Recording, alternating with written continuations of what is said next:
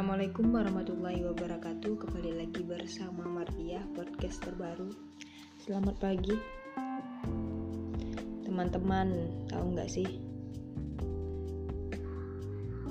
Kalau eh, Kita itu sedang dalam Fase di mana mencari Mana teman yang paling Mana teman yang baik Mana teman yang pura-pura baik adalah adalah fase yang paling menyusahkan bagi uh, itu mungkin bagi gue sih. Mungkin teman-teman juga ada yang merasakan ataupun enggak mungkin mereka masih senang-senang.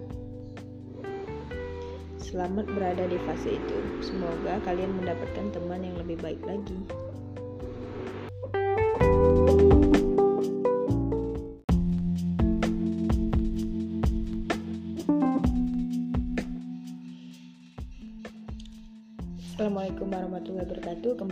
bersama Mardiah. Oke Sebelumnya Itu adalah podcast yang gak jelas Sebelum yang kalian dengar itu. Nah, Belepotan sorry. Kali ini adalah Kalian akan mendengarkan podcast yang bahasanya kebalik-kebalik Oke? Nama aku Mardiah Aku dari jurusan psikologi. Aku dari Riau Pekanbaru. Udah cukup itu aja perkenalan aku. Semoga teman-teman yang mendengarkan ada yang kenal sama aku. Yang gak kenal silahkan, ya gak apa-apa. Gimana kabar kalian hari ini? Kalau kabar aku sehat, alhamdulillah. Kalau kabar kalian semoga menjadi lebih sehat. Jangan lupa untuk beraktivitas, jangan jangan malas, tetap disiplin. Hargai waktu. I love me. Gak jelas.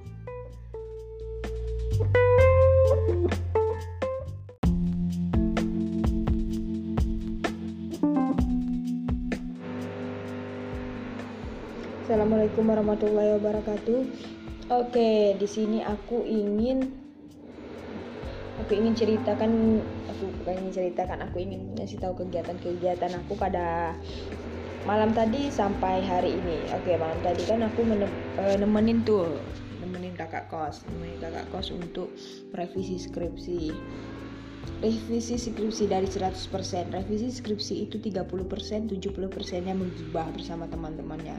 Dan aku menemaninya selama kurang lebih dari habis sisa ya tuh biasanya habis sisa itu jam berapa sih? Jam 7.30 ya jam 7 lewat ah sampai jam 10 terus kami pulang terus kami bilang kami beli makan dan makan bersama anak kos lainnya setelah itu bersama anak kos kami kembali lagi menggibah, bukan menggibah sih tapi bercerita mengenai masa lalu.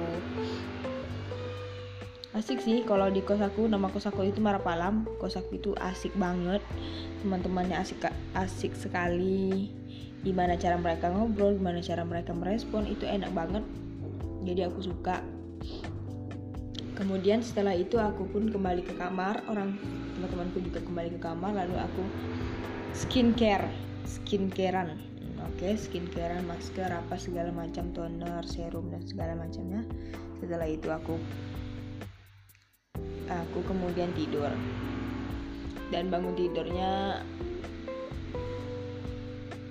bangun tidur lagi. Kemudian aku ya ya bangun tidur dan belum ada jadwal kuliah jadi aku ya gimana nih? Terus ngapain aku hari ini? Kalian pernah nggak berpikir orang-orang yang masih bingung ngapain aku lagi nih? Seperti itulah aku saat ini guys. Hmm, asal kalian tahu. Sekian terima kasih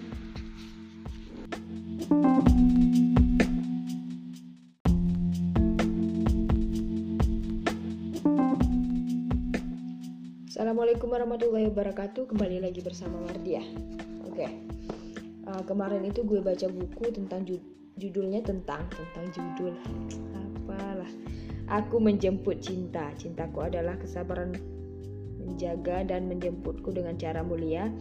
Karya Arif Rahman Lubis Dan itu aku minjam bukan beli. Ya udah nggak apa-apa. Karena aku juga males baca buku. Aku mau rajin baca buku ini. Yaitu dengan dengan judulnya bukan dengan judul eh. Aku ambil quotes kita hari ini uh, kita hari ini aku hari ini akan memberikan quote-quote bagi para wanita-wanita di sana dan laki-laki di sana yang baik hati dan tidak sombong yang beriman. Sorry Carilah lelaki yang tidak mudah bilang suka, tapi sekali ia mengatakannya, itu dilakukan di hadapan kedua orang tuamu sambil disaksikan rombongan keluarganya. Asik. Asik banget dah.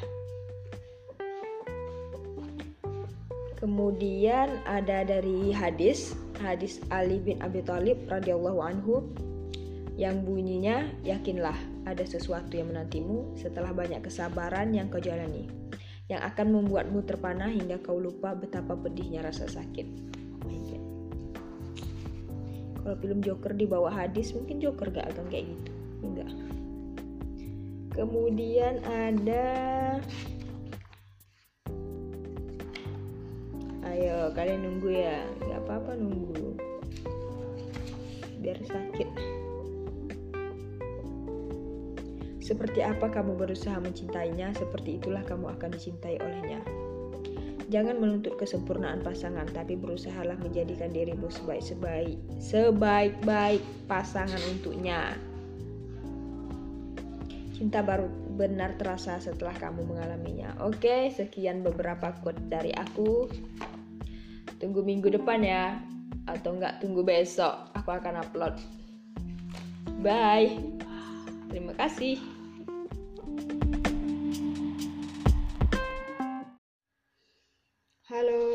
Assalamualaikum warahmatullahi wabarakatuh. Kembali lagi bersama Mardia. Oke, di sini aku ingin berbicara aja, ngomong-ngomong gak jelas gak apa-apa. Mau ada yang denger, mau gak ada yang denger ya gak apa-apa. Penting aku yang denger kan. Untukmu, untukmu yang sabar menanti mendengar podcastku. Untukmu, untuk yang selalu menunggu podcastku Semoga kalian baik-baik aja, oke? Okay? Di sini aku mau ngapain ya? Mau cerita. Cerita apa ya? Tunggu dulu aku ingat ingat ingat ingat ingat. Banyak kenangan yang baik dan juga banyak juga sih kenangan buruk, bukan kenangan buruk juga. Menurut aku kenangan yang kurang baik. Kurang baik bukan berarti buruk kan, tapi agak sedikit tidak baik hari itu. Oke, di sini aku mau cerita tentang ini adalah cerita teman aku. Uh, aku kan kasih inisialnya Mawar aja ya, nama teman aku Mawar. Eh nggak usah deh, Mawar udah basi ya. Kita kasih nama teman aku tuh Teh Celup. Oke, nama teman aku. Eh nggak usah Teh Celup kok Teh Celup sih? Masa teman aku jadi kan Teh Celup? Nama teman aku ku ganti Ubi. Oke, Ubi. Nama teman aku namanya si Ubi. Nah, si Ubi ini dia nyeritain kan cerita-cerita kebodohan dia, cerita-cerita kelucuan dia. Pada saat itu dia bercerita tentang waktu SD. Waktu SD, uh, eh, kalau kami kan di sini di daerah Pekanbaru itu kalau seluruh Riau, kalau sekolah sekolah itu terbagi dua, ada sekolah SD dan sorenya ada sekolah madrasah. Mungkin kalian semua juga pernah merasakan sekolah madrasah atau sekolah petang kayak di Malaysia sekolah petang nih kami nak sekolah petang oke sekolah petang dan teman-temanku itu hmm, sudah berniat nih si Ubi ini kan si Ubi ini berniat untuk nggak mau sekolah hari itu. Mau bolos sih ceritanya mau bolos sih ceritanya. Terus dia ngajak teman-temannya yuk kita bolos yuk. Woi kita bolos lah woi gitu. Hari ini aja ayo ayolah kata teman-temannya. Teman pun temannya pun mengiyakan saking masa lalu itu saking nggak taunya apa itu hukuman lebih enak berbuat sesuatu tapi sesuatu yang nggak merusak diri sih. Hanya memperburuk etika asik. Nggak tahu sih jangan dengar bahasa aku ya woi. Aku cuma menghibur kalian aja loh. Terus Terus kan dia main tuh main sepeda. Main sepeda mau ke niat mau bolos kan nih. Niat mau bolos tapi udah pakai baju nih pas niat mau bolosnya setelah mau pergi kan. Setelah mau pergi. Terus orang tuh mau pulang kan niatnya mau pulang mau bolos lah ayo ayo ayo orang tuh mau pulang nih kan siap-siap mau pulang mau pulang ke rumah masing-masing karena mau bolos tiba-tiba mereka jumpa guru yang ngajar. Guru yang ngajar hari itu di madrasah tersebut tuh teman aku si Ubi ini dia sambil bawa sepeda dan dia bilang eh ibu tapi tau kan sepeda punya stang dua? Dan dia megang kepala tangannya di dua kepala. Eh apa sih? Apa sih gak jelas. Pokoknya dia megang dia megang setang. Dia sepeda itu punya dua stang. Terus jumpa ibu guru di depannya. Dia megang kepalanya dengan dua tangan. Terus stang stangnya nggak dipegang ya. Dia jatuh. Itulah akhir dari kebolosan teman-teman. Dia jatuh dia jatuh ke selokan dan ibu itu lihat kamu kenapa nak? Jatuh jatuh. Jadi kata si ubi ini iya bu. Dan ibu itu nolong dia terus dia disuruh pulang dengan sendirinya itu pulang bukan karena bolos tapi pulang karena memang situasi kondisi karena jatuh. Oke, itu adalah sekian ceritaku yang gak jelas. Terima kasih sudah mendengarkan. Bye.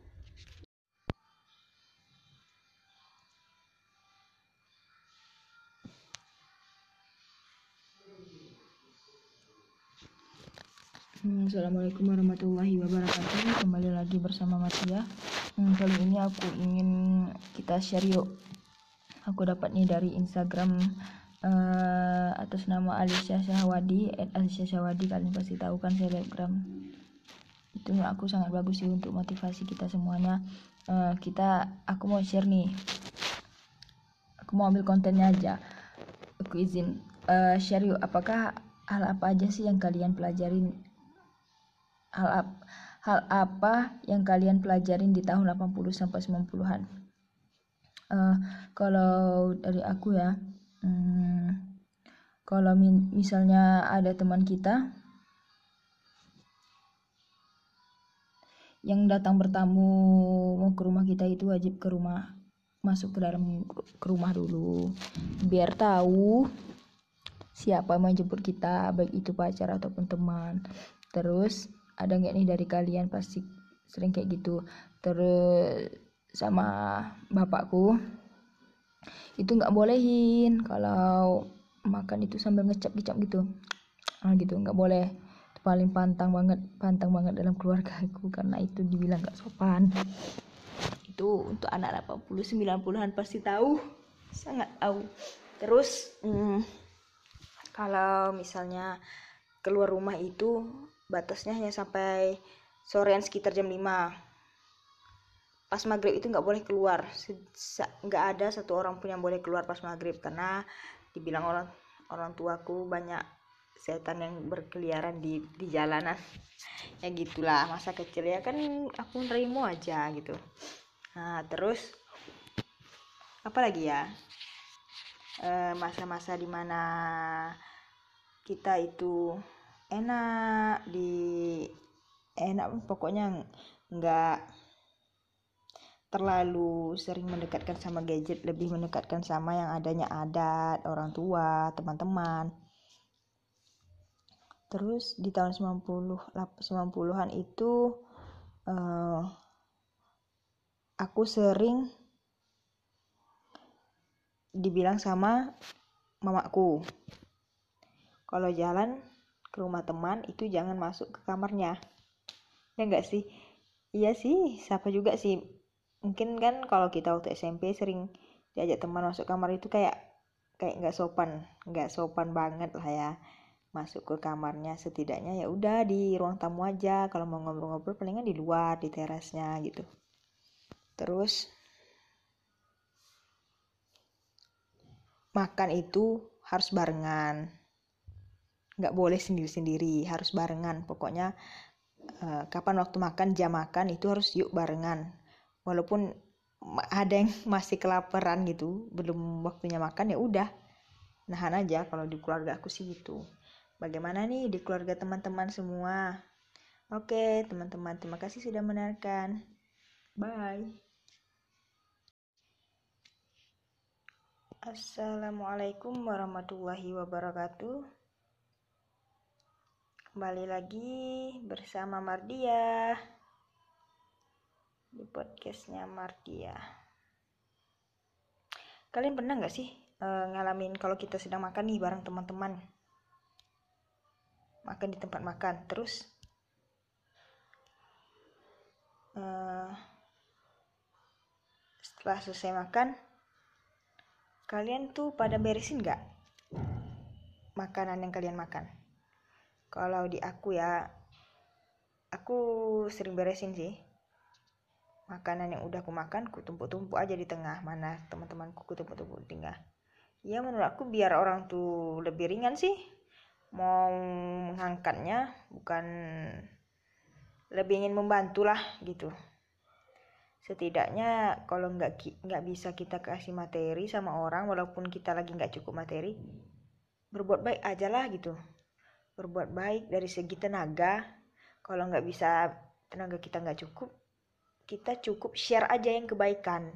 Share kebaikan di sosial media atau ingetin temen hmm, walaupun itu hal kecil kayak teman kita misalnya masih buang sampah sembarangan yuk jangan buang sampah sembarangan deh.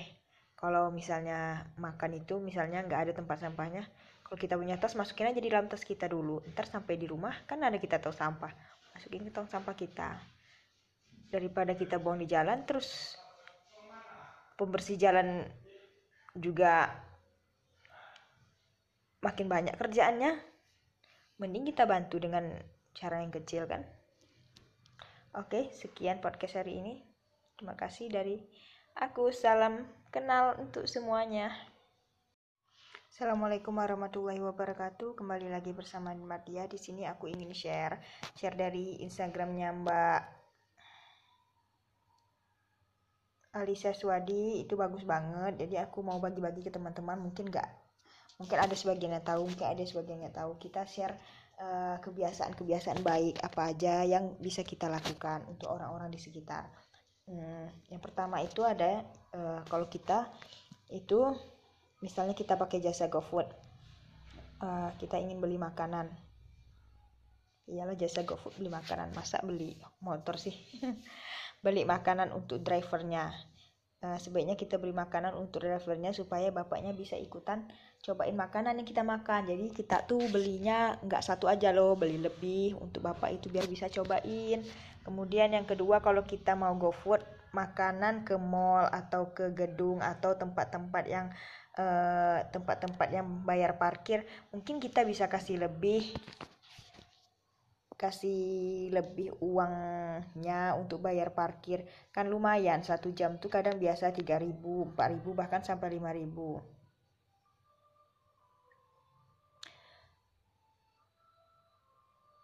uh, kan Gojek nggak pernah sih minta uang parkir tapi setidaknya kita punya insting kebaikan ya itulah Sekian dari aku. Terima kasih. Dadah.